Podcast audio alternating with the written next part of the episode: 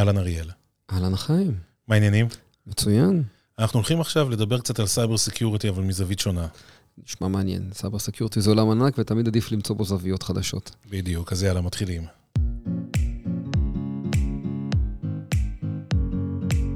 TCP, הפודקאסט הרשמי של סיסקו ישראל.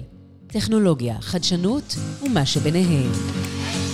אז היום אנחנו מדברים על אה, אבטחת מידע בעולמות של פיתוח תוכנה ומה המשמעות של לבנות אפליקציות מאובטחות. אנחנו כבר דיברנו על firewall ים בפרקים הקודמים, דיברנו על אה, אנטי וירוסים ועל עוד כל מיני דרכים להגן עלינו בעולם הדיגיטלי. אבל מה שרוב הציבור לא יודע זה שאבטחת מידע מתחילה עמוק יותר באפליקציה שבה אנחנו משתמשים, וזה לא כל כך משנה על איזה פלטפורמה. לצורך כך אנחנו גייסנו את אריאל שופר, מנהל מוצר של Portshift, חברת הסייבר שסיסקו קנתה לאחרונה, שמתמחה במה שאנחנו קוראים לו DevSecOps, ואנחנו נסביר על זה קצת יותר בהמשך. אה, אריאל הוא ותיק מאוד בתעשייה, וברזומה שלו יש לא מעט סטארט-אפים מצליחים, והיום, לשמחתנו הרבה, הוא חלק מסיסקו. מה קורה, אריאל? חיים, אני מסמיק, הכל מצוין, תודה רבה. לא צריך להסמיק, פתיח, אתה יודע, קצת רזומה ב-20 שניות, אחרי שאנחנו כבר כל כך הרבה שנים בתעשייה, זה, זה מאתגר. זה נכון. בסדר, ניסינו להסביר עם מי אנחנו מדברים. אני רק שואל את השאלות, אתה נותן את המידע. בשמחה רבה. אחלה. אז בואו בוא נתחיל ככה. אה, אבטחת מידע היא, בעיה עולמית, אנחנו יודעים את זה, ואנחנו יודעים שגם כן פיתוח אפליקציות השתנה עם השנים, החדשנות, הענן, אה, הצורך להנגיש מוצרים דיגיטליים אה, כבר שינה את הדרך שבה אנחנו פונים אפליקציות, זאת אומרת, מהעולמות שבו אני למדתי הנדסת תוכנה, והיום יש פער מאוד מאוד משמעותי. אז, אז בואו ננסה להתחיל להגדיר את האתגר בתוך עולמות הפיתוח התוכנה המודרניים. אני מתאר לעצמי שגם ניכנס לקצת microservices. כן, בטח, בהחלט, אני מסכים איתך. ואתה צודק, חיים, שבאמת, כאילו, העולם הזה שאני ואתה למדנו הנדסת תוכנה השתנה. אה, הדרך שבה כותבים אפליקציות והפכו להיות ממונוליטיות ל microservices, הדרך שבה התחלנו לעשות אינטגרציות, אתה יודע, עם ה-continuous integration ו-continuous deployment, זה כבר משנה בעצם את כל הצורה שבה אנחנו גם בונים אפליקציה, גם כותבים אותה וגם מכניסים אותה ומעלים אותה אה, עד שהיא רצה.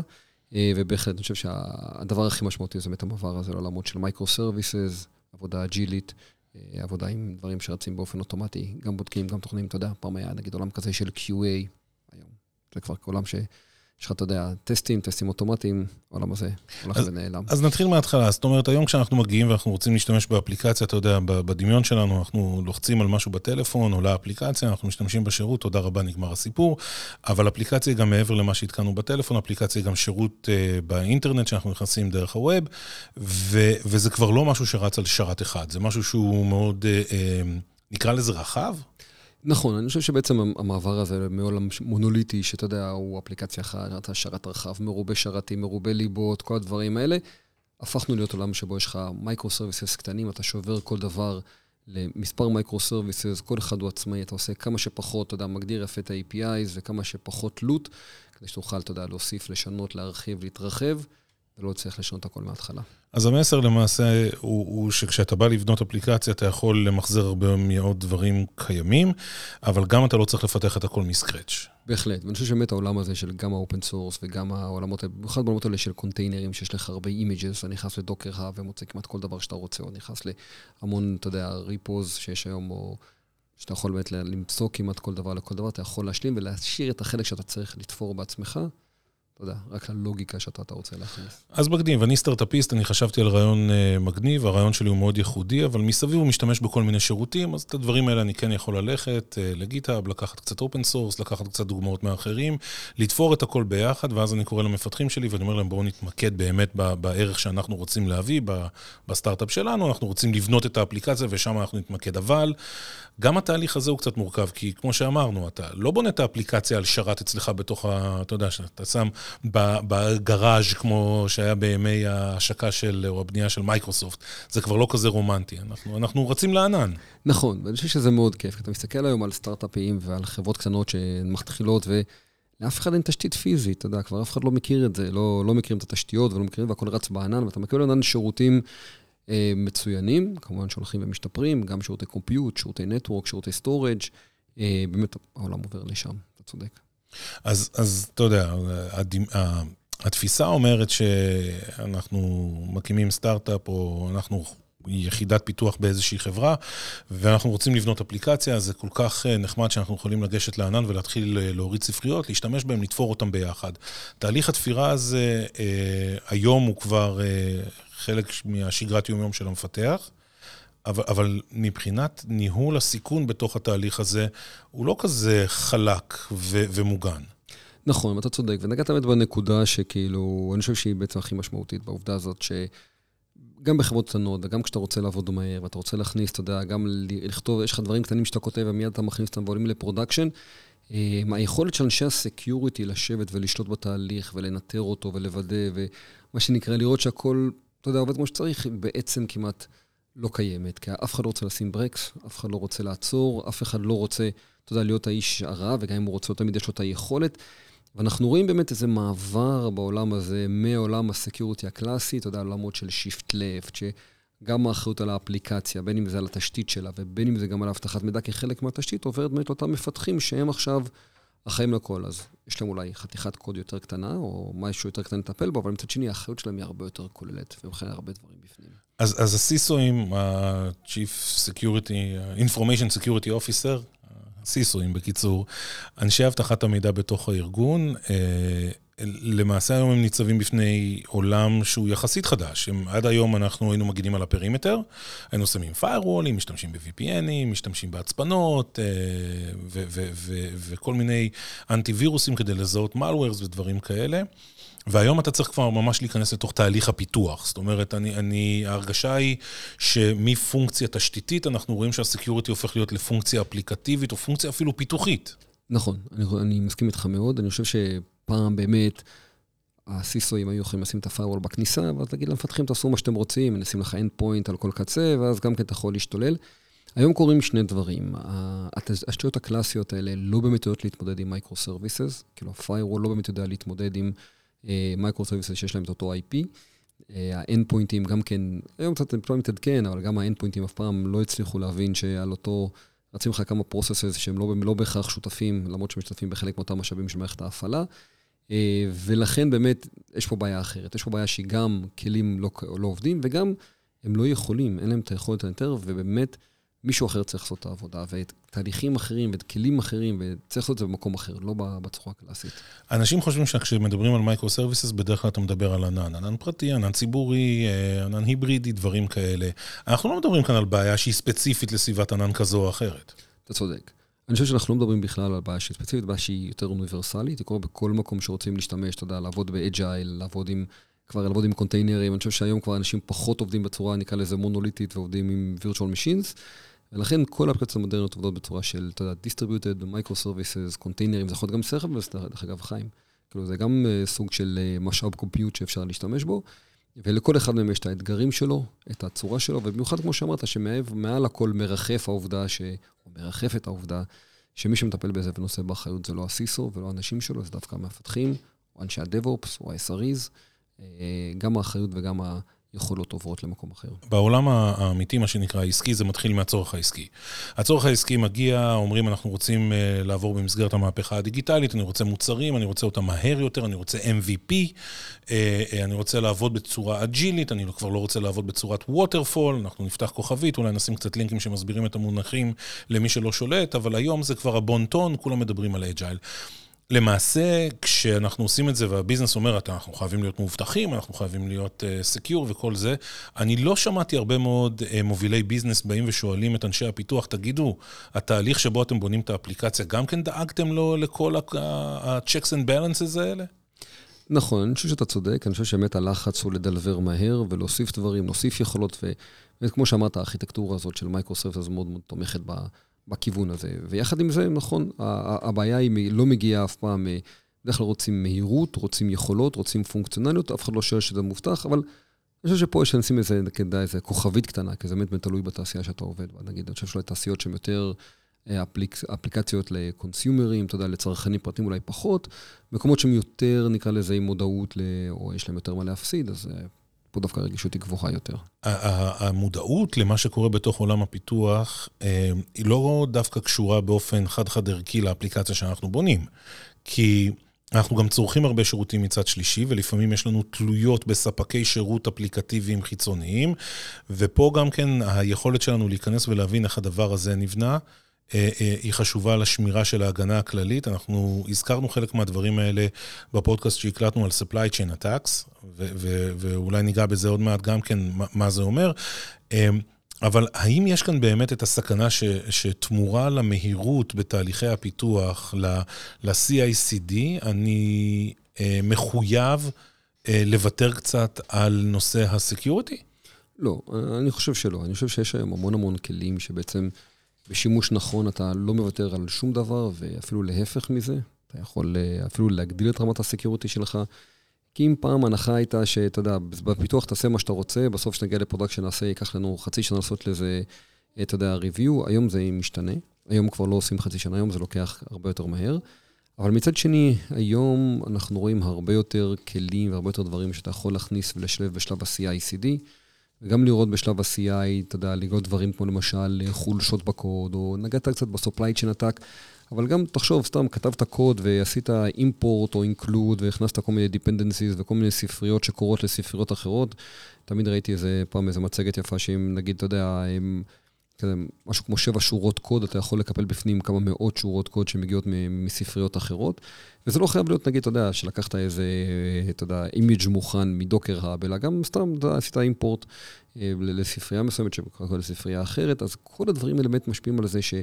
יש לך היום המון מגוון חזיתות, אולי שפעם היית פחות בשימוש, אבל מצד שני, ההכנסה וההטמעה של כלים בשלב ה-CI וגם בשלב ה-CD, יכולות לאפשר לך להגיע לרמת הגנה מאוד טובה, שאני חושב שפעם אף פעם לא היו מגיעים אליה. אז אני רוצה לדבר רגע על קונטיינרים, מסיבה נורא פשוטה. כשאני מדבר עם כל אה, יזם בעולמות התוכנה, וכשאני מדבר עם כל איש פיתוח, אתה יודע, הנושא הזה של, עזוב, חיים, קונטיינרים, אנחנו, זה, זה המזור לכל. אוקיי, יש לנו בעיה כזו וכזו וכזו, בוא, נכניס את הכל לקונטיינר וזה פותר לנו את כל הבעיות. אה, ואנחנו יודעים שזה לא בדיוק ככה. זאת אומרת, ברגע שאתה נכנס, מן הסתם, אה, קונטיינרים הפכו את עולם הפיתוח לסביבה הרבה יותר מהירה ממה שהיא הייתה בעבר. אבל יחד עם זה, יש שם כל מיני דברים שאנחנו צריכים לשים אליהם לב. הרי פורטשיפט נבנתה בסופו של דבר על, ה, על ההבנה. שיש איזושהי מורכבות בתהליך הזה. נכון, אתה צודק מאוד, ובהחלט יש דברים שכדאי לשים לב, ואפילו רצוי ומומלץ לשים לב אליהם. אז נגענו טיפה קודם בדברים, נקרא לזה, הכי קלאסיים, שזה לראות שאין לך חולשות, ואתה יכול גם להגיד לי, אתה יודע, נגיד היום מה שהיה אולי בהתחלה, זה שבאמת ראו שכל מיני images אה, שנמצאים ככה בכל מיני public repositories, מכילים כל מיני backdoors, ויש שם, אתה רואה, יכול לקרוא מדי פעם על כל מיני פרסומים, על קריפטומיינרים שונים ומשונים שאנשים מכניסים, ואתה רק בלי לשים לב, לקחת ראית איזה... אתה יודע, image שנראה בדיוק עונה לדרישות שלך, אבל אתה לא יודע שבפנים, באחד מהספריות, אה, מופיע לך בכלל משהו שאתה יודע, לוקח אותך למקומות אחרים. אבל זה, נקרא לזה, זה הדברים הקלאסיים. אני חושב שיש המון דברים שמאוד מאוד חשוב גם כן לשים לב אליהם בשלב הבנייה. למשל, אחד הדברים החשובים זה, אתה יודע, נגיד, כמו למשל, איזה הרשאות הקונטיינר מקבל פעם, ב Docker, שהיית משתמש ב Docker, כל קונטיינר רץ כ privileged. אחר כך קוראים את הרכישות, אבל גם היום הרבה פעמים אנשים לא שמים לב שדברים כמו שדות כמו privilege escalation, או יכולת לעשות, אתה יודע, לא רק read only, אלא גם write לתוך ה file system של ה host, אה, מאופשרת ב default בהמון setups. אה, ולכן חשוב מאוד לראות איך כל מיני דברים שאם פעם תוקף היה צריך מאוד מאוד להתאמץ כדי לקבל או לראות, או לחפש איזה פרצה או חולשה במערכת ההפעלה, היום בשימוש בקונטיינרים אתה מקבל אותם כמעט בחינם אם לא שמת לב אליהם. אז דברים שקשורים לקונפיגורציה של הקונטיינר, דברים שקשורים בכלל גם למקום שהוא רץ. זאת אומרת, הקונטיינר הוא לא יחידה עצמאית. הקונטיינר רץ בתוך עולם, הוא רץ בתוך עולם של Kubernetes או מערכת ניהול. היום נגיד Kubernetes מערכת הניהול, נקרא לזה השולטת. אה, יכול להגיע בכל מיני מופעים, יכול להגיע במופעים מנוהלים, יכול להגיע במופעים של נקרא לזה כמו OpenShift או Rancher, אבל עדיין בסוף בבסיס זה Kubernetes. צריך לראות שגם המערכת הזאת כ ecosystem הוא מוגן. זאת אומרת, יש דברים של הרשאות, יש דברים של secrets, יש דברים של קונפיגורציות, יש כל מיני דברים שגם שם אתה חייב לוודא שאתה מוגן, ואנשים לא עושים לך abuse למשאבים הקלאסטרים, נקרא לזה.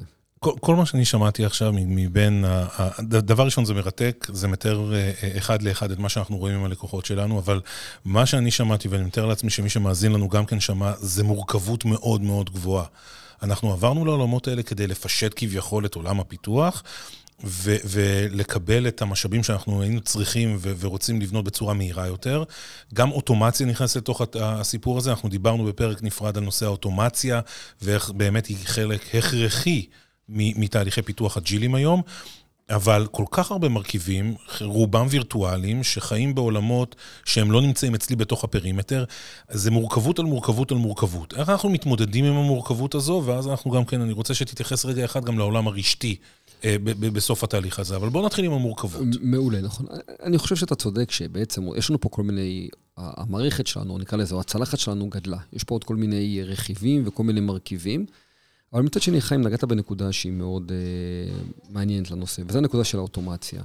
יש היום המון כלים open source ים, גם כלים ש Portshift היום סיסקו תרמה, וגם כלים שהיום קיימים ברשת. דרך אגב, סיסקו עכשיו הולך להוציא עוד open source בקרוב, שמטפל בדברים האלה. באמת, אתה יכול פשוט גם להשתמש בהם, אתה יכול להכניס אותם לתהליכי האוטומציה שלך, לשלב אותם בשלב ה-CI או בשלב ה-CD. ואת כל הדברים האלה שלכאורה נגזרים מכך שיש לך פתאום עוד מערכות ועוד יכולות ועוד דברים שנוגעים בך אה, ופותחים לך יותר חזיתות, אתה יכול למעשה לקבל... אה, אינדיקציות עליהן מראש, אתה יכול מראש לקבל התראות, להבין מה צריך לתקן, מה צריך להחליף, מה אפשר לסדר, ורוב הדברים האלה הם זמינים. יש גם ל-CNCF שעומד מאחורי העולמות האלה של Kubernetes, וגם לעולמות של כל הדברים הסביבתיים, יש המון כלים והמון ידע והמון דברים שנותנים, כדי באמת לפתור את זה, באמת, אתה יודע, סך הכל, כמו שאתה אומר, זה נפתחות עוד חזיתות, אבל יש המון כלים ויכולות וידע לאפשר לאנשים לטפל בהם. אני יכול לספר לך, נגיד, שסיסקו עכשיו... אה, לא מזמן השתתפה במאמץ מאוד מעניין של ארגון שנקרא מייטרה, שפתח, ניסה לבנט לבנות איזה עולם, פעם ראשונה ליצור איזה framework, שכחתי את המילה בעברית, אבל איזה אה, framework כזה ש... אני כבר אמרתי בפודקאסטים קודמים, אמרתי, לא כל ביטוי טכנולוגי באנגלית יש לו הקבלה לעברית. לפעמים, למשל, ואז דיברנו על קלאודיפיקציה של אפליקציות. אתה צודק. אז גם פה, יש פה כל מיני, נגיד, דברים של... פריימוורקים. בדיוק, פריימוורקים שנותנים דברים על כל נקרא לזה שלבי ההגנה מההתחלה, מהפריסה ועד נקרא לזה הריצה עם כל המרכיבים השונים, שגם אנחנו פה תרמנו לדבר הזה, כדי באמת לאפשר לאנשים לקבל את המידע ושיהיה זמין ונגיש אה, וקל לשימוש. תראה, אני רוצה, אני, הולך ונגמר לנו הזמן, אנחנו מנסים, מנסים להישאר בתוך framework כזה, framework כזה של 20 דקות לפודקאסט, כי זה פחות או יותר ה-attention span. אבל אני רוצה לסיים בעוד איזשהו משהו ש, שאני חושב שזה הפך להיות לאיזושהי תפיסה בתוך אה, אה, עולמות הפיתוח. כמו שאנשים אומרים, אה, אה, אתה יודע, עברתי ל-Mac כי אף אחד לא מטרגט את המקים. אתה לא צריך לשים אנטיווירוס על Mac מכיוון שההאקרים לא מנסים אה, לתקוף מקים, כולם הולכים על Windows. אז... אה, בזמן האחרון אני שומע כל מיני הערות של אה, התקפות סייבר ממוקדות לעולמות ה-Kubernetes. יש אמת? כן, אני חושב שיש אמת, ופה באמת נגעת בנקודה מאוד מעניינת. כי אני חושב שבעולמות, בעולם הראשוני של ההתקפות על עולמות הקונטיינרים, זה היה בעיקר טעויות אנוש, אנשים טעו, נגיד היה מקרה מפורסם של טסלה, שאנשים השאירו את ה-dashboard של ה-Kubernetes cluster פתוח, כי הם לא האמינו שמישהו יכול להיכנס לענן שלהם, ומשם בעצם לשלוט בכל. גם מקרה דומה ב-Weight Watchers. מייקרוסופט פרסמה לא מזמן על איזה אה, התקפות שלקוחות עשו על תמימות של מפתחים שהשתמשו בקיוב פלואו. אז זה באמת היו נגיד דברים שקורא להם טעויות אנוש, או טעויות קונפיגורציה, או סתם אה, חוסר תשומת לב, אתה יכול לקרוא לזה איך שאתה רוצה. אבל אנחנו רואים יותר ויותר באמת, חיים, נגעת בנקודה באמת שכבר יש היום המון דברים יותר מתוחכמים, יותר זדונים. אנחנו רואים שאנשים ששותלים בתוך קונטיינרים דברים, אנשים שבעצם גורמים לקונדסות לא רי-ראוט, המון דברים שקשה מאוד לגלות אותם, כי בדברים הפשוטים בעין רגילה אתה פשוט לא רואה אותם, והם מאוד מאוד ייעודיים לקונטיינרים. אז כן, כמו שאתה אומר, ככל שהדבר נהיה יותר פופולרי, יותר בשימוש, גם האקרים מוצאים אותו ונהנים להשתמש בו. טוב, תראה, אנחנו צריכים ככה, מה שנקרא, לסיים את, את הפרק הזה, אבל דבר אחד ברור זה שאנחנו צריכים לחפור קצת יותר לעומק, כי כל מי שמתעסק היום בעולם הטכנולוגיה, במיוחד בתוך ארגונים, גם יזמים שבונים היום סטארט-אפים, ו- ואולי נמצאים עדיין בתוך התפיסה הזו של כן, אני אצא לענן ו- והכל אה, אה, ירוץ על אוטומט, אנחנו רואים שהמציאות היא לא כזו. כשאנחנו חופרים קצת יותר אה, לעולמות הטכניים, אנחנו מגלים שהסל הפתרונות שצריכים לתפור ולחבר אותם כאן, אה, הוא, הוא לא טריוויאלי. צריכים לתת על זה את הדעת, כי אחרת אנחנו נגן על הכל, ובסופו של דבר אנחנו נמצא איזשהו אקספלויט בתוך הקוד שאנחנו משתמשים בו, או באפליקציה שאנחנו כותבים, ו- וזה יכול להיות אולי ההבדל בין אקזיט אה, מוצלח לבין, אה, אחרי ה-review של החברה הקונה, אה, וואלה, לא, לא, לא ראינו את זה. יש פה נזקים שהם נראים דברים תמימים. אתה יכול להגיד, תשמע, קונטיינר סך הכל הוא משהו קטן, הוא בכלל לא כזה גדול, אבל אתה צודק, יש פה המון פתח להמון טעויות שיכולות אחר כך לגרום לך להצטער על זה. טוב, אז אנחנו צריכים להקליט עוד פרק בנושא, אין מה לעשות, אנחנו נשב ונדבר ונפרק את זה יותר לעומק. אה, לאנשי פיתוח, בואו נעשה עוד פרק אחד טכני הפעם, לאנשים שממש אה, מתחילים לבנות את האפליקציות שלהם ונדבר על, או אנשים שחיים היום בעולמות ה-IT ועוברים את הטרנספורמציה הדיגיטלית לעולמות האג'ילים ויוצאים לענן ולכל הסביבות המדהימות האלה, וננסה לפרק קצת יותר את המורכבות שנמצאת שם. אחלה. יפה, אתה מגיע, נכון? בטח. אחלה, אריאל שופר, תודה רבה. תודה, חיים.